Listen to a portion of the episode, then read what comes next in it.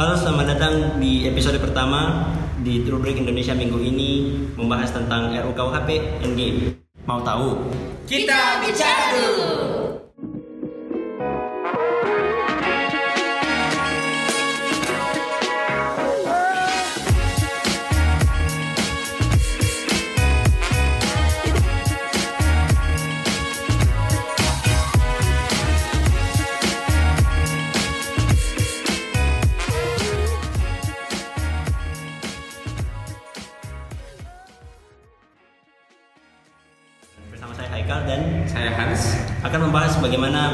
Apa yang terjadi selama satu minggu ini, mengapa banyak sekali mahasiswa yang turun ke jalan, dan apa sih yang eh, salah dari RUU KUHP dan apakah ini adalah akhir dari proses demokrasi kita yang selama ini kita junjung tinggi. Nah, langsung saja kita masuk ke eh, pembahasan yang pertama sebenarnya apa itu RUU KUHP? Karena banyak sekali orang yang merasa bingung dan tidak tahu sebenarnya apa sih yang eh, teman-teman di luar sana sedang perjuangkan. Oh iya, jadi uh, kita mulai dengan menjelaskan apa itu RKUHP. Jadi uh, rancangan undang-undang uh, hukum pidana atau rancangan kitab undang kitab undang-undang hukum pidana yang baru ini uh, sebenarnya adalah rancangan yang dibuat oleh di, diinisiasi oleh pemerintah uh, kemudian dibahas di DPR untuk menggantikan kitab undang-undang hukum pidana Indonesia yang lama. Jadi kalau uh, sedikit informasi kalau teman-teman mau tahu kita di Indonesia punya KUHP, kita undang-undang hukum pidana yang sudah berlaku selama um, secara total 126 tahun. Nah, oleh karena itu ada inisiasi dari pemerintah untuk mengganti KUHP itu. Alasan kedua karena pemerintah menganggap KUHP yang berlaku sekarang itu adalah warisan atau peninggalan kolonial, warisan atau peninggalan Belanda. Nah, RKUHP adalah rancangan yang baru yang akan menggantikan KUHP yang lama. Nah, sebenarnya banyak pertanyaan yang muncul di masyarakat. Kenapa kita harus peduli? Memangnya seberapa uh, pentingkah seorang untuk mengetahui ini? Apalagi sebenarnya banyak sekali mahasiswa yang masih apatis dan merasa bahwa demonstrasi turun ke jalan, misalnya menyuarakan aspirasi, adalah hal-hal yang sebenarnya tidak terlalu penting dirasa karena masih banyak cara-cara lain seperti uh, melakukan proses uh, diskusi yang lebih konstruktif dibanding turun ke jalan. Nah, mengapa orang-orang harus peduli dengan uh, perubahan hukum ini? Ya, jadi kan pertanyaannya ada dua. Kenapa harus peduli dengan RKUHP? Yang kedua, kenapa turun ke jalan? Yang pertama, kenapa peduli dengan RKUHP? Kenapa peduli dengan RKUHP? Karena kita undang-undang hukum pidana rancangan yang baru ini itu akan mengatur sangat banyak hal bahkan sampai ke kehidupan pribadi sampai menyinggung sedikit hak individu itu akan saya jelaskan makanya kalau teman-teman misalnya membaca lalu uh, ada tagar semua bisa kena um, itu karena memang RKUHP ini banyak mengatur hal-hal yang sebelumnya tidak diatur di KUHP yang lama. Jadi kenapa kita harus peduli? Karena ini memang menyangkut hal hal-hal yang genting, hal-hal yang memang urgent uh, terkait dengan kehidupan pribadi kita dalam konteks bermasyarakat. Itu pertama kenapa harus peduli. Masalahnya apa? Nanti kita jelaskan sebentar. Uh, yang kedua, kenapa harus turun ke jalan? Kenapa dengan diskusi yang konstruktif um, itu tidak lagi efektif? Karena memang nyatanya sudah banyak upaya-upaya dilakukan oleh aliansi masyarakat sipil. Ada organisasi namanya Institute for Criminal Justice Reform atau organisasi pegiat-pegiat hak asasi manusia, pegiat-pegiat uh, reformasi hukum pidana, tapi semuanya gagal. Jadi um, aksi massa mungkin merupakan last resort dari upaya masyarakat untuk mendorong uh, DPR untuk tidak mensahkan RKUHP dan um, mungkin bisa dikatakan cukup berhasil aksi massa yang dilakukan karena um, Presiden Joko Widodo mengatakan meminta agar DPR menunda pengesahan uh, RKUHP. Semoga bukan hanya ditunda tapi juga ditinjau kembali pasal-pasal yang bermasalah di dalamnya. Nah, jadi setelah mengetahui bahwa sebenarnya ini uh, sebelum kita lanjut berarti harus digarisbawahi bahwa perubahan apa pun yang terjadi di pasal uh, hukum pidana ini dapat mempengaruhi kita semua. Jadi uh, kalian-kalian yang mahasiswa yang mendengar ini ataupun yang bukan mahasiswa, jika pasal-pasal ini bisa sampai disahkan, berarti siap-siap saja ada hak-hak hidup dari anda yang akan diurus nanti oleh pemerintah dan itu yang membuat uh, hal ini berbahaya. Nah, mungkin kita langsung bisa masuk saja untuk membahas sebenarnya apa sih yang bermasalah dalam pasal-pasal ini? Memangnya uh, sesignifikan apa masalahnya kalau tadi dikatakan sampai menembus hak pribadi dan semua bisa kena? Memangnya apa sih yang uh, orang bisa uh, dikenakan misalnya dari pasal-pasal itu? Ya, jadi uh, pertama sebenarnya ada cukup banyak uh, pasal yang kemarin dikatakan bermasalah. Setelah saya membaca um, dan melihat, saya bisa kelompokkan menjadi kemudian ada uh, empat empat kelompok pasal yang bisa kita kelompokkan sebagai uh, pasal yang bermasalah. Tapi pertama begini, saya bukan mahasiswa hukum pidana, saya uh, tidak belajar um, secara khusus spesifik ke hukum pidana. Saya mahasiswa yang belajar hukum internasional. Jadi saya akan mulai uh, masalah di RKUHP itu dengan masalah yang ada satu pautnya sedikit dengan hukum internasional. Masalah itu adalah e, masalah terkait pengadilan hak asasi manusia. Nah, di Indonesia terkait masalah pelanggaran hak asasi manusia yang berat itu ada dua, genosida dan kejahatan terhadap kemanusiaan. Itu diatur di Undang-Undang Nomor 26 Tahun 2000. Jadi mekanisme penyelesaiannya itu pakai Undang-Undang Nomor 26 Tahun 2000 untuk pelanggaran HAM yang berat, genosida dan kejahatan kemanusiaan. Kemudian di Undang-Undang Nomor 26 Tahun 2000 itu banyak yang bilang ada pengecualian. Jadi di hukum pidana itu kan ada namanya asas non retroaktif. Seseorang tidak boleh dihukum terhadap tindakan yang terjadi di masa lalu ketika hukum yang sekarang berlaku pada masa dia melakukan tindakan itu belum berlaku.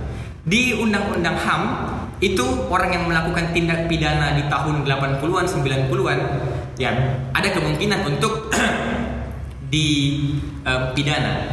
Di RKUHP pasal 599 sama pasal 600 memasukkan unsur memasukkan pelanggaran HAM berat sebagai salah satu unsur pidana di uh, RKUHP yang baru ini. Nah, masalahnya adalah pertama, kemungkinan untuk uh, retroaktif itu tidak ada. Yang kedua, um, RKUHP hanya melihat pelanggaran HAM berat sebagai tindak pidana yang dilakukan oleh individu. Padahal kan kita tahu pelanggaran HAM berat itu belum tentu pelakunya hanya individu. Bisa saja lembaga negara, bisa saja aparat negara, bisa saja dilakukan secara terstruktur, sistematis dan masif oleh lembaga negara dan aparat negara. Misalnya, contoh pada masa lalu kita tahu banyak kasus pelanggaran yang dilakukan oleh um, Tentara Nasional Indonesia di beberapa tempat. Nah, di RKUHP yang akan menjadi fokus dari pemidanaan hanya individu saja, bukan um, kelompok atau golongan tertentu atau lembaga dan aparat negara tertentu. Jadi itu yang pertama yang uh, saya merasa RKUHP ini bermasalah sebagai orang yang belajar hukum internasional.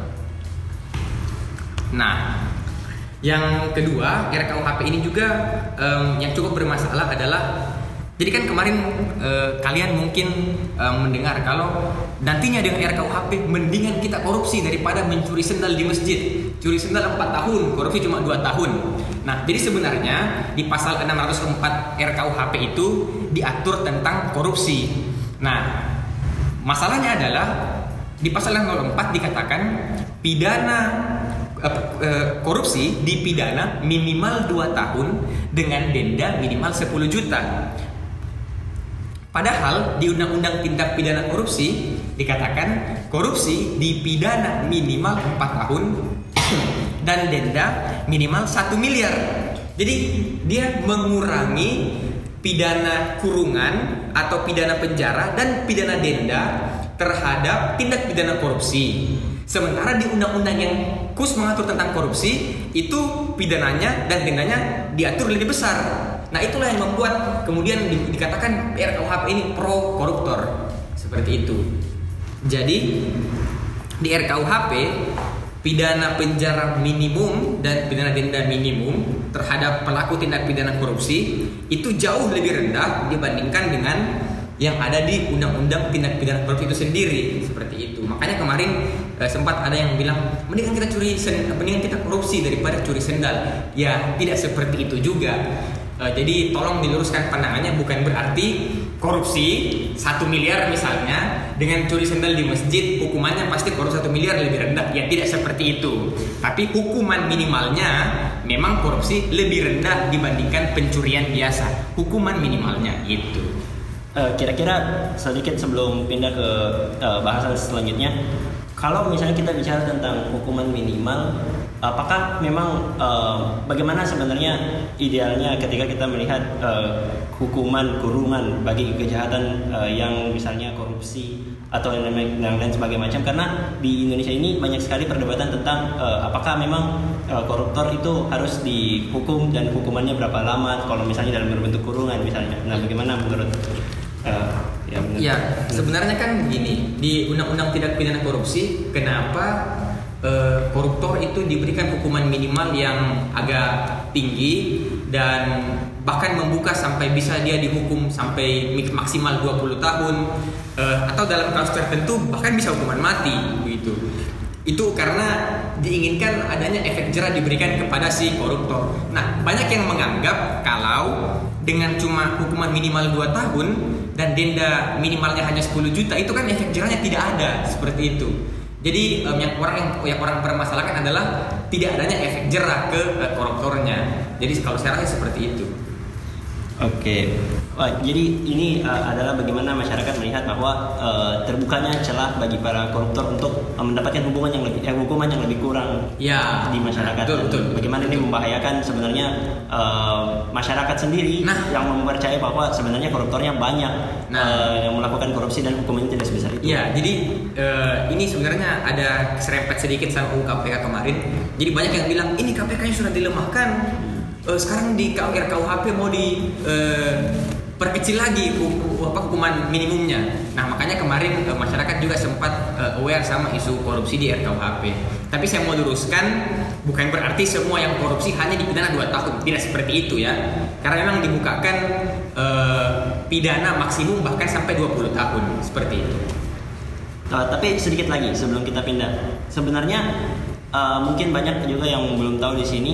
Sebenarnya korupsi itu uh, apa sih sebenarnya parameter seorang dikatakan korupsi? Ah, karena ada sedikit keserempet dengan korupsi, apa parameter orang dikatakan korupsi? Khusus di Indonesia, kalau kita mendengar kata korupsi, korupsi di Indonesia itu identik dengan menyebabkan kerugian terhadap keuangan negara.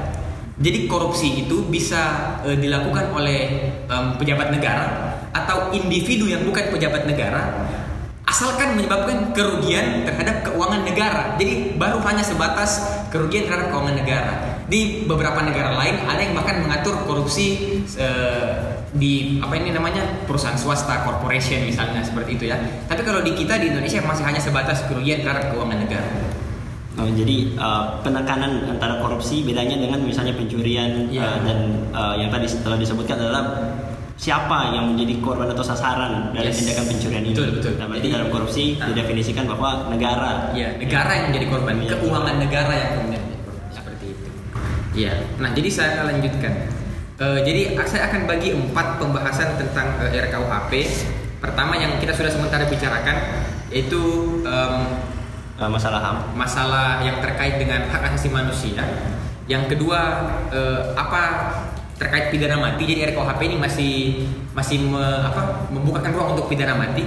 Yang ketiga ada beberapa pasal yang ditambahkan dan dianggap berlebihan. Yang keempat beberapa pasal yang em, memungkinkan terjadinya diskriminasi. Nah, jadi kita selesaikan dulu yang pertama ini, yang berkaitan dengan hak asasi manusia. Yang terakhir di masalah eh, yang berkaitan dengan hak asasi manusia, RKUHP ini masih memandang narkotika sebagai tindak pidana. Jadi di RKUHP, jadi begini, Indonesia itu punya undang-undang narkotika terpisah dari KUHP. Namanya, eh, ya namanya undang narkotika, tapi itu istilahnya delik di luar kodifikasi. Jadi jenis tindak pidana yang diatur di luar kodifikasi hukum, di luar kitab undang-undang hukum pidana. Nah, RKUHP mau masukkan itu tindak pidana narkotika ke dalam R- eh, rancangan Hukum pidana. hukum pidana yang baru, kitab hukum pidana yang baru. Masalahnya, dia masih melihat pengguna narkotika sebagai em, tindak pidana, bukan sebagai korban yang harus direhabilitasi. Jadi ya masih terbuka kemungkinan kamu pengguna dan kamu dimasukkan ke Dalam. penjara. Ya yang mana kita sudah melihat bahwa sebenarnya itu kan tidak efektif begitu ya. Nah itu juga permasalahan yang muncul di RKUHP terkait hak asasi manusia seperti itu. Nah, Ya. Jadi eh, yang kedua yang perlu kita lihat terkait masalah RKUHP adalah RKUHP ini masih membukakan ruang untuk eh, pidana mati. Kenapa itu bermasalah? Karena begini, pasal 28I Undang-Undang Dasar 1945 pasca amandemen. Jadi di amandemen kedua Undang-Undang Dasar itu dimasukkan eh, pasal 28 dari A sampai J tentang hak manusia. Nah, pasal 28I-nya bilang ada tujuh non derogative rights, tujuh hak yang tidak boleh dikurangi atas dasar apa pun. Salah satunya adalah hak untuk hidup. Nah, RKUHP yang sekarang ini kan dibuat pasca reformasi ya, pasca amandemen kan, tapi masih membukakan ruang eh, bagi diberlakukannya pidana mati. Nah, makanya ini dipandang bermasalah karena pidana mati masih eh, apa masih diperbolehkan di eh, RKUHP yang baru seperti itu. Nah, padahal kan eh, Undang-Undang Dasar sudah mengatakan dengan jelas bahwa untuk hidup eh, tidak dapat dikurangi atas dasar apa pun. Nah, kalau saya rasa em, masalah selanjutnya yang juga banyak orang melihat adalah masalah pidana mati ini. Nah, tapi ya ini sebenarnya menarik juga karena eh, pembahasan bahwa apakah misalnya mencabut hak hidup seseorang itu boleh atau tidak boleh sebenarnya sudah digaungkan sejak lama. Tapi sebenarnya eh, apakah apa sih yang mendasar mendasari misalnya pemerintah untuk tetap berpikir bahwa eh, hak hidup seseorang itu misalnya dapat diambil? Apakah memang hanya sekedar eh, deterrent effect atau efek jerah atau ada eh, kalkulasi lain yang dilakukan oleh pemerintah eh, bahwa sebenarnya mengambil hak hidup orang setelah melakukan kejahatan sebagai eh, form atau misalnya bentuk retribusi atau apa pun itu misalnya dibenarkan. Ya, kalau yang kita pelajari di kelas hukum pidana, kita tidak tahu prakteknya pada kenyataannya seperti apa di pembuat di proses pembuatan hukumnya adalah pertama memang efek jerah. Yang kedua, em, kita akan menimbang mana lebih bermanfaat orang ini hidup dan bi- bisa tetap terus melakukan misalnya tindak eh, kejahatan yang dia lakukan bahkan dari dalam penjara seperti Freddy Budiman kemarin atau satu atau orang ini dimatikan saja dan menutup segala macam kemungkinan bagi dia untuk melakukan tindak pidananya lagi. Jadi em, pertimbangan-pertimbangan seperti itu yang biasanya dilakukan untuk membenarkan proses ah, bukan proses membenarkan pelaksanaan eh, pidana mati di Indonesia. Meskipun memang ya sudah banyak orang yang em, melawan di berlakunya pidana mati itu. Berarti sebenarnya bisa saja disimpulkan bahwa untuk pertimbangan yang kedua bahwa ada sebenarnya pertimbangan yang tidak eh, objektif atau berdasarkan Betul. penimbangan eh, beberapa instansi terkait tentang Ya. apakah orang ini bisa berkontribusi baik kembali ke Ya. masyarakat atau misalnya dia menjadi ancaman. Ya. Makanya untuk eh, menutupi eh, posibilitas atau kemungkinan-kemungkinan itu mungkin dalam proses pembuatan hukum ya mending sekalian dimatikan Ya. misalnya dan eh, hal-hal seperti ini yang berusaha untuk ditentang oleh eh, beberapa kawan-kawan kita. Ya. Nah, jadi seperti itu. Nah, selanjutnya yang perlu kita bahas, nah ini adalah jadi bagian ini akan sangat menarik. Kita akan membahas masalah pasal-pasal yang ditambahkan di RKUHP yang baru sampai yang membuat RKUHP ini viral. Pertama, kita akan membahas tentang perzinahan. Jadi ada tiga pasal di RKUHP tentang perzinahan. Pasal 417, 418, 419. Kemarin di rangkaian demo yang terjadi, mungkin banyak yang tulis maaf ya, selangkanganku bukan urusan negara. Ya. Atau banyak yang em, eh, menulis eh, negara tidak memfasilitasi rindu. Pokoknya in- Eh, ya intinya eh, mereka ingin mengatakan, intinya mereka ingin I need mengatakan, sex, government iya, me every day. iya, atau kayak um, I don't need sex, government is currently fucking me right now kayak gitu loh. I mean like, ya oke. Intinya mereka ingin mengatakan mereka tidak ingin hak individunya mereka termasuk dalam bidang melakukan hubungan seksual itu diatur oleh negara secara berlebihan. Dan menurut mereka RKUHP mengatur itu secara berlebihan. Apakah benar RKUHP mengatur secara berlebihan? Mari kita lihat. RKUHP pasal 417, 418 dan 419 itu dipandang e, bermasalah karena apa? Karena di pasal 418 dikatakan jika ada seorang pria laki-laki yang bersetubuh dengan perempuan lain dan menjanjikan perempuan ini untuk dikawini tapi tidak dikawini, perempuan itu bisa melapor ke polisi, si pria itu bisa dipidana dengan pidana kalau tidak salah maksimal lima tahun. Nah, itu di ini orang anggap bahwa ya jangan jangan, jangan sampai uh, penjara jadi overcrowding hanya karena laki-laki yang melakukan hubungan seksual dengan wanita lain. Itu yang pertama. Yang uh, kedua, ada kemarin juga masalah yang kayak gini. Orang kumpul kebo, kepala desa lapor sampai muncul meme kan kepala desa tertrigger karena ada yang kumpul kebo karena ada yang melakukan hubungan seksual. Nah, jadi sebenarnya begini, ini dikata uh, banyak orang yang bilang ini overkriminalisasi karena di KUHP sebelumnya kalian hanya bisa dipidana ketika melakukan hubungan seksual ketika pertama kalian sudah nikah terus pasangannya melaporkan atau kalian belum nikah tapi keluarga orang tua misalnya melaporkan ke polisi. Nah di RKUHP yang sekarang tidak perlu keluarga, tidak perlu pasangan. Biar yang belum menikah pun bisa dipidana kalau hubungan seksual. Kalau yang melaporkan misalnya kepala desa atau yang melaporkan misalnya aparat e, setempat. Jadi e, seakan-akan negara ini terlalu mau mencampuri urusan individunya orang lain. Seperti itu. Nah, ini ditakutkan mengakibatkan overkriminalisasi. Nah, kemudian pasal 417. Eh, pasal 417 ini membukakan ruang untuk um, semakin maraknya perkawinan anak.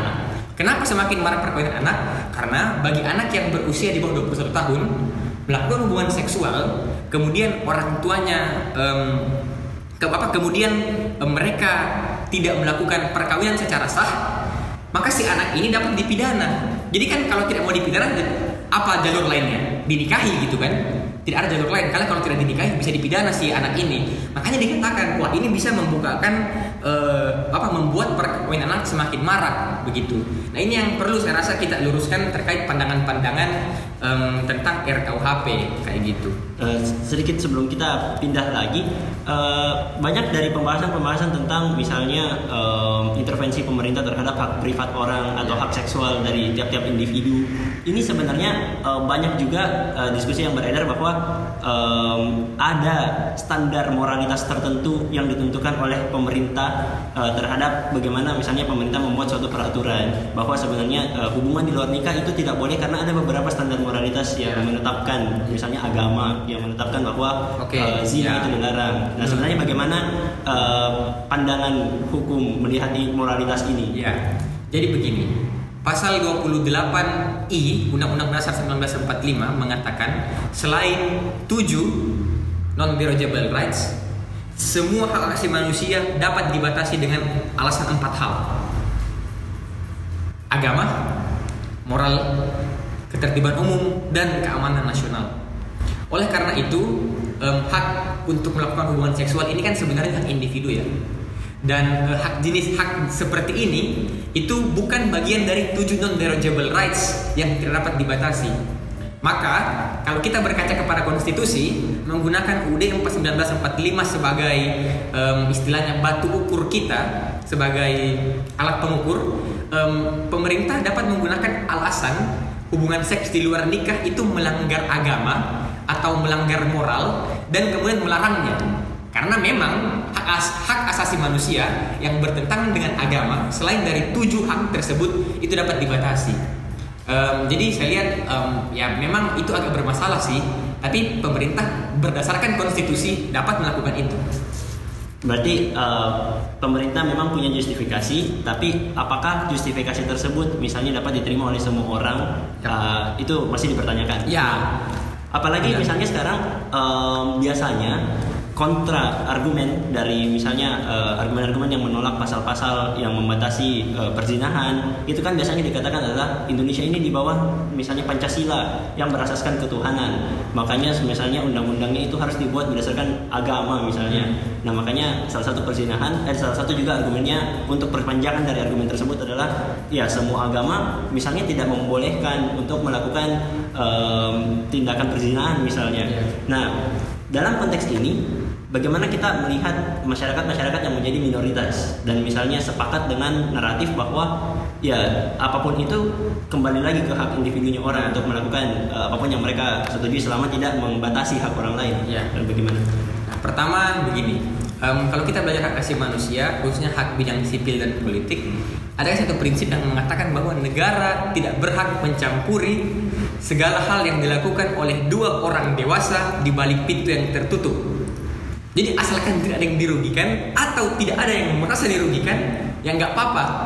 Mau melakukan hubungan seksual di luar nikah pun ya terserah. Asal sudah dewasa, tidak ada yang merasa dirugikan, kan seperti itu.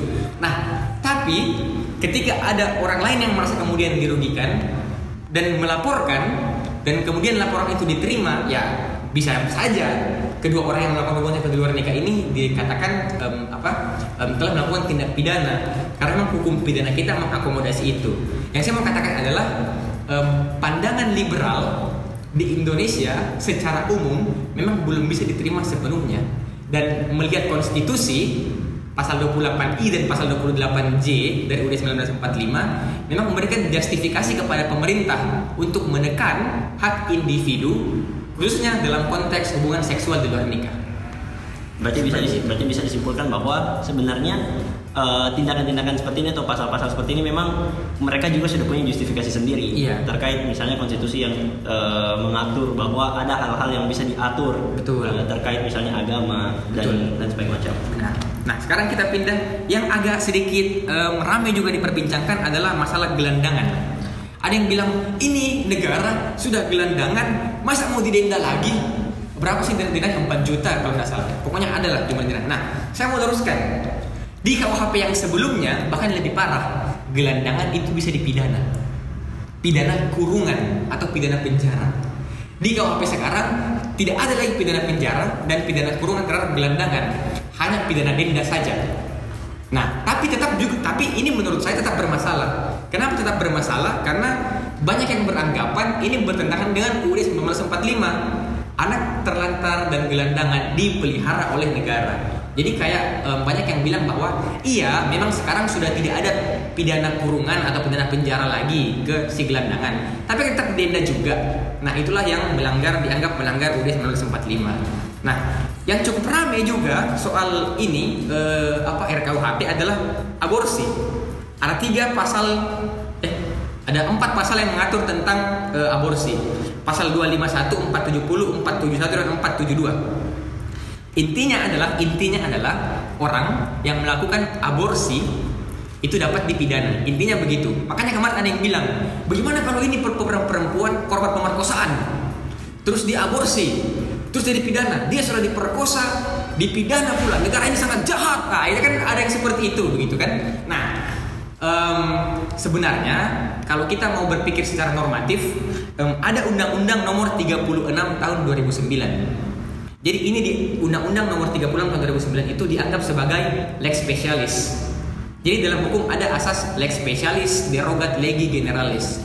Hukum yang lebih khusus mengalahkan hukum yang umum. Nah, Undang-Undang 36 tahun 2009 kalau saya tidak salah ya, itu membukakan ruang untuk aborsi itu diperbolehkan dengan syarat dengan syarat eh, dapat membahayakan nyawa atau kesehatan si eh, si si perempuan yang mengandung atau jika memang si anak diketahui akan lahir dalam kondisi cacat atau cacat mental atau cacat fisik seperti itu. Nah, tapi kan belum membukakan em, ruang untuk apa sih konsensual eh, ab- abortion. Abortion by choice. Iya, abortion by choice. Jadi ini adalah perdebatan antara pro choice dengan pro life. Um, pro choice berarti um, ya setuju saja perempuan mau aborsi boleh. Tapi kalau pro life tidak kita harus mempertahankan hidup si anak. Kembali lagi karena negara kita berdasarkan undang-undang dasarnya, berdasarkan konstitusinya mengatakan jika ada hal yang bertentangan dengan agama itu dapat dibatasi bahkan kalau itu pun hak individu ya tentu kan agama mengajarkan eh, bagaimana sih ajaran agama Islam? 40 hari itu sudah dihembuskan ruh maka dia sudah dianggap sebagai seorang manusia begitu kan? Nah oleh karena itu berdasarkan agama tentu aborsi kan tidak diperbolehkan. Nah jadi karena Indonesia adalah negara yang masih memiliki em, point of view sudut pandang yang condong ke arah keagamaan, makanya tentunya um, ruang untuk aborsi uh, di Indonesia belum sebebas di negara-negara liberal yang lain. Seperti itu. Berarti kalau misalnya memang bisa di uh, simpulkan bahwa sebenarnya uh, ada tetap ruang-ruang untuk misalnya seorang ibu untuk melakukan aborsi terhadap uh, anak jika misalnya dalam kondisi mengancam nyawanya karena ada pasal sebelumnya yang lebih khusus. Iya, ada undang-undang ada lain undang-undang yang lain yang mengatur. lebih khusus mengatur hal itu. Iya. Tapi um, untuk memperjelas bahwa sebenarnya apakah memang uh, pasal seperti ini kedudukannya dalam RKUHP memang sebenarnya apa? Apakah memang ini sengaja dibuat baru untuk menekankan urgensi dari aborsi sendiri atau uh, apa sih sebenarnya tujuan dibalik uh, revisi dari pasal ini khusus? Ya karena sebelumnya masalah aborsi itu tidak betul tidak benar-benar ditekankan dalam hukum pidana Indonesia. Nah, dengan adanya RKUHP yang baru ini dipandang ini sebagai produk hukum yang baru, ini kan sebelumnya tidak tidak pernah ditekankan. Jadi mungkin memang tujuannya untuk menekankan, membawa eh, satu penekanan framing bahwa Indonesia merupakan negara yang tidak melegalkan aborsi kecuali dalam keadaan tertentu misalnya. Saya rasa memang eh, tujuan dimasukkannya pasal-pasal terkait aborsi ini untuk menekankan bahwa aborsi itu dilarang. Seperti itu. Oh.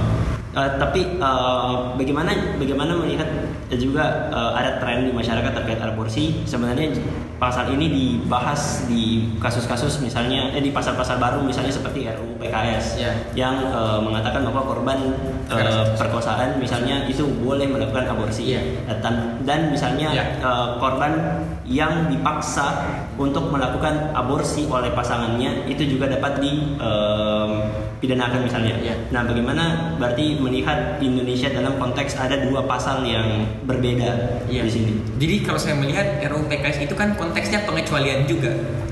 Kecuali kamu diperkosa. Berarti ketika uh, ada Nah, masalahnya begini.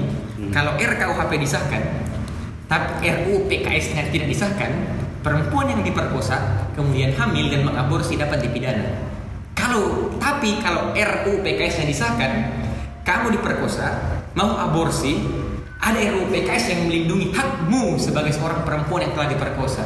Itulah pentingnya menurut saya kenapa RUU PKS juga harus disahkan. Oh, oke. Nah sebenarnya memang uh, banyak sekali uh, penolakan dan uh, ketidaksetujuan masyarakat tentang RUU PKS, tapi kita bisa bahas di Iya. lain sisi karena RUU Iya. PKS uh, sangat panjang juga itu, bahasannya. itu itu itu juga satu hal eh, tersendiri. Nah, tapi kalau saya mau lanjutkan tentang RKUHP, jadi masalah perzinahan, gelandangan, aborsi ini sudah eh, apa? Sudah sudah ini yang kemarin cukup viral. Kemudian masalah kontrasepsi. Jadi eh, pasal 4 414 sampai 416 mengatakan eh, orang yang mempertontonkan alat kontrasepsi kepada anak di bawah umur dapat dipidana. Nah ini kan bermasalah karena kecuali orang itu memang misalnya pihak yang berwenang BKKBN atau eh, dinas kesehatan contohnya ya. Ini kan bermasalah karena ya masa anak tidak boleh diajarkan tentang alat kontrasepsi sejak dini. Padahal kan di era sekarang sex education itu memang perlu.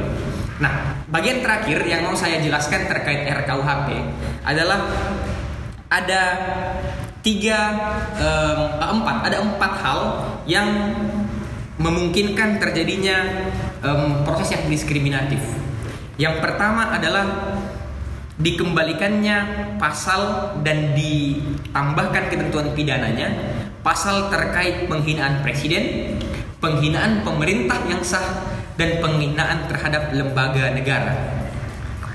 Jadi apa yang majalah Tempo kemarin lakukan membuat cover Presiden Jokowi. Kemudian bayangannya hidungnya panjang kayak Pinocchio itu. Em, kalau ini RKUHP disahkan bisa saja majalah Tempo kemudian dikatakan em, melanggar pasal tentang penghinaan presiden. Seperti itu. Nah yang jadi masalah adalah pasal penghinaan penghinaan ini itu em, definisinya sangat tidak jelas. Jadi membukakan ruang terjadinya multi tafsir yang kedua, mem- membukakan ruang untuk memberangus kebebasan berekspresi orang, khususnya teman-teman media dan jurnalis. Yang kedua, pasal makar, yaitu pasal 167. Jadi kayak em, unsur dari makar itu diperluas di eh, RKUHP dibandingkan KUHP yang lama. Jadi di- jadi eh, dengan diperluasnya pasal tentang makar, jenis-jenis perbuatan yang dikatakan sebagai makar itu jauh lebih banyak dibandingkan uh, jenis perbuatan yang dapat dikatakan sebagai makar di, di KUHP yang lama. Dan ini dipandang uh, dapat memberangus kebebasan seseorang untuk menyatakan kebebasannya dalam uh, hal berekspresi. Padahal kan Indonesia sudah meratifikasi Kovenant Internasional Hak Sipil dan Politik pada tahun 2005 yang mana pasal 20 dari Kovenant itu memang um, mengatakan hak berekspresi boleh dibatasi, tapi dalam e, beberapa konteks. Dan konteks ini itu tidak termasuk dari pembatasan yang dapat dilakukan berdasarkan kewenangan sipil dan politik. Oleh karena itu dipandang RKUHP ini sangat e, memungkinkan terjadi diskriminasi seperti itu. Iya, apalagi jika kita misalnya melihat alasan kenapa RKUHP dibuat kan ada beberapa argumen soal e, ingin mengganti pasal-pasal yang berbau kolonial, iya. mengganti pasal-pasal yang berbau um, sangat kental dengan nuansa Belanda zaman dulu. Sedangkan pasal-pasal uh, penghinaan terhadap presiden, makar adalah pasal-pasal yang memang dibuat oleh penguasa pada zaman itu. Benar. Untuk misalnya menghindari orang-orang untuk yeah. menyuarakan pendapatnya melawan para penguasa. Betul, betul. Jadi sebenarnya dapat juga disimpulkan bahwa pemerintah ini tidak uh, melakukan usaha yang semaksimal mungkin untuk mencabut pasal-pasal yang bersifat kolonial. Mungkin karena mereka penguasa, tapi yeah. Iya. uh, apa pun alasannya uh, kami yakin bahwa pasal ini memang uh, bisa dikaji lebih baik lagi. Ya karena kan begini, pada zaman dulu kenapa pasal itu ada? Ini kan dibuat oleh Belanda. Karena um, mereka tidak ingin orang-orang yang hidup di daerah jajahan itu kemudian menyuarakan apa yang apa menyuarakan um, aspirasi mereka dan um, kemudian menjadi pemantik bagi daerah jajahan atau kolonial yang lainnya atau bagi orang-orang yang lain untuk juga turut melawan kekuasaan Belanda sebagai koloni. Seperti itu. Makanya pasal-pasal seperti ini bisa muncul. Konteks sekarang kita kan sudah merdeka. Buat apa lagi ada pasal seperti itu kan? Seperti itu. Nah ada juga pasal tentang contempt of court. Lucunya adalah dengan adanya pasal ini ditakutkan kita tidak bisa lagi menilai putusan yang dikeluarkan oleh hakim putusan yang dikeluarkan oleh pengadilan. Kita dapat dikatakan menghina pengadilan kalau kita misalnya memprotes satu putusan yang dikeluarkan oleh pengadilan. Ini pasal contempt of court itu ada di pasal 281 dan 282. Jadi banyak uh, khususnya akademisi yang mengatakan loh, berarti tidak bisa dong kalau memang misalnya putusan hakim itu bermasalah, terus saya mau bahas dalam lingkup uh, diskusi umum, diskusi publik, dapat dikatakan dia melakukan contempt of court. Ini kan bermasalah, ini berbahaya juga. Tapi yang paling terakhir, yang paling lucu menurut saya di RKUHP adalah pasal 598 yang mengatakan bahwa orang-orang yang melanggar hukum yang hidup di masyarakat itu dapat dipidana. Nah, hukum yang hidup ini tidak ada definisinya. Itu dapat didefinisikan sebagai um, peraturan daerah, dapat didefinisikan sebagai hukum adat, atau dapat didefinisikan sebagai ya pokoknya tidak tahu apalah Nah, jadi ini pasal yang definisi tidak jelas. Kemudian e, bisa membukakan ruang dibuatnya peraturan-peraturan daerah yang diskriminatif. Misalnya di beberapa daerah tertentu ada perda-perda syariah yang diskriminatif terhadap kelompok e, apa ini kelompok agama yang minoritas. Nah, dengan adanya pasal 598 ditakutkan itu dapat terjadi, itu itu itu dapat terjadi bahkan dibukakan ruang oleh RKUHP yang baru. Atau kalau misalnya dikatakan hukum yang hidup itu adalah hukum adat. Lah, hukum adat ini kan tidak terkodifikasi. Standar pelaksanaannya tidak jelas seperti itu. Lalu bagaimana ketika kemudian hukum adat ini bertabrakan dengan hukum pidana? Yang mana yang akan didahulukan? Tidak ada juga penjelasannya di RKUHP yang baru. Nah, oleh karena itu itu menurut saya uh, hal yang paling perlu dikaji di RKUHP yang baru. Masalah um, living law atau hukum yang hidup di pasal 598. Kalau saya rasa seperti itu. Berarti ini juga sebenarnya menambah uh, a set of new law uh, apa sebuah aturan atau tatanan hidup yang baru yang seseorang harus mengikutinya tapi sebenarnya tidak tertulis dengan jelas juga nah, undang-undang. Jadi misalnya ketika saya berpergian atau tinggal di suatu negara yang kebetulan menerapkan perda syariah, ya mungkin saya belum terinformasi secara baik tapi saya melanggar sesuatu juga saya ada kemungkinan untuk yeah. hukum. Nah, berarti eh, pasal-pasal uh, seperti ini adalah pasal-pasal yang uh, mungkin bisa saja ditarik-tarik berbeda-beda yeah. dari di setiap era yang berbeda-beda. Nah, lucunya misalnya begini. Kalau kita artikan hukum yang hidup sebagai hukum adat, kita tinggal satu daerah tertentu, kita melanggar hukum adatnya. Kemudian karena itu ada di RKUHP, si kepala adat laporkan kita ke polisi. Bagaimana caranya polisi akan memproses kita? Orang hukum yang tidak tertulis kok. Kan seperti itu. Jadi ini masalah yang betul-betul menurut saya agak lucu ya. Kok bisa ada pasal kayak gini di dalamnya seperti itu?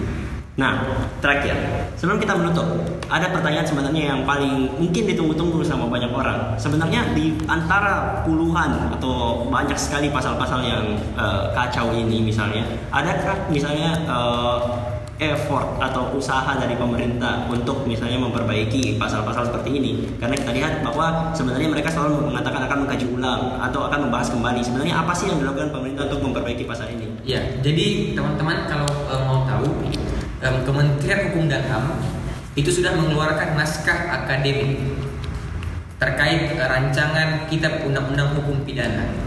Nah, um, memang di situ dijelaskan ada beberapa upaya yang uh, pemerintah lakukan dan menurut saya ya beberapa upaya itu cukup baik dan patut diapresiasi. Tapi um, untuk menjawab apakah memang pemerintah um, melakukan sesuatu terhadap pasal-pasal yang bermasalah ini, sampai sekarang jawaban yang kita dengar hanya penundaan dan pengkajian kembali seperti itu. Tapi apa yang dikaji kembali, seperti apa prosesnya itu kan kita tidak tahu. Tapi pemerintah mengatakan dalam proses pengkajian itu mereka sudah memanggil pihak dari kejaksaan, pihak dari kepolisian, bahkan dari perwakilan advokat juga. Tapi kan kami kita tidak pernah mendengar adanya perwakilan dari aliansi masyarakat sipil atau dari um, akademis-akademis yang uh, bisa dikatakan selama ini memprotes keras rancangan KUHP yang baru ini seperti itu. Jadi dikatakan pemerintah sedang mengkaji kembali, sedang meninjau kembali, tapi kita tidak tahu prosesnya seperti apa yang terjadi di dalamnya, gitu. Nah, berarti sebenarnya uh, di sinilah mengapa partisipasi dari masyarakat, kaum misalnya akademisi terkait uh, terkhusus misalnya mahasiswa itu menjadi sangat penting karena ada check and balance yang lebih uh, sempurna lagi misalnya yang bisa dilakukan untuk mengkaji pasal-pasal uh, yang ada kemungkinan untuk bermasalah. Iya. Nah, di sini juga saya sebenarnya mau menyimpulkan bahwa di balik semua hukum-hukum uh, yang bermasalah ini uh, mengapa aksi-aksi misalnya atau mengapa diskursus-diskursus yang ada di masyarakat itu sangat penting karena hanya itulah cara-cara yang bisa dilakukan untuk membuat masyarakat sadar nah. bahwa sebenarnya banyak, banyak sekali eh, hukum-hukum uh, dari kita yang akan berubah drastis dan akan mempengaruhi kita secara nah, personal. Kalau yang saya mau tambahkan buat teman-teman, khususnya teman-teman mahasiswa yang dengar, ya, jangan turun aksi hanya sebatas karena um, mendengar isu yang sebenarnya um, belum tentu benar. Maksudnya adalah banyak orang yang menolak RKUHP tapi tidak pernah baca isi draft RKUHP itu kayak bagaimana. Tapi tidak pernah tahu kajian yang lengkap tentang RKUHP itu bagaimana. Seperti itu. Jadi akhirnya mereka hanya berpikir ah RKUHP ini bermasalah, ayo kita protes. Tapi apa masalahnya? Di pasal berapa yang bermasalah? Kenapa perlu dipermasalahkan? Itu mereka tidak tahu. Nah, saya rasa tujuannya adalah bukan hanya sekedar um, uh, turun ke jalan, tapi juga untuk benar-benar tahu masalahnya apa dan bagaimana aksi itu dapat melahirkan solusi untuk mencarikan jalan keluar dari masalah itu. Ya, apalagi bisa kita lihat aksi-aksi yang kemarin meskipun sangat positif, ya. namun banyak sekali sebenarnya interest yang tidak sejalan. Nah, yang dilakukan oleh mahasiswa-mahasiswa kemarin. Benar, ada interest untuk pemerintahan, ya. ada interest untuk menolak RUU PKS yang sebenarnya tidak ada dalam agenda aksi seperti itu kan? Iya, mungkin uh, untuk mahasiswa yang um, apa yang tidak mau atau misalnya uh, belum bisa atau misalnya merasa uh, atau misalnya merasa inferior untuk membaca seluruh pasal uh, yang banyak itu mungkin bisa melihat gambar-gambar yang jelas uh, tentang uh, apa sih tuntutan tuntutan masyarakat yang sudah jelas dirangkumkan dalam satu gambar misalnya yeah. tujuh tuntutan masyarakat atau delapan sama uh, misalkan RUU PKS nah hal-hal seperti itu misalnya bisa membuat kita lebih um, aware atau lebih sadar lagi terhadap isu yang ada ter, uh, dibanding secara lang langsung turun ke jalan namun uh, sebenarnya tidak tahu apa yang diperjuangkan. Nah, uh, mungkin sampai sini karena kita sudah lewat dari setengah jam. Uh, terima kasih atas uh, pendengarnya. Uh, sampai jumpa di episode kedua. Terima kasih buat teman-teman yang sudah mendengarkan.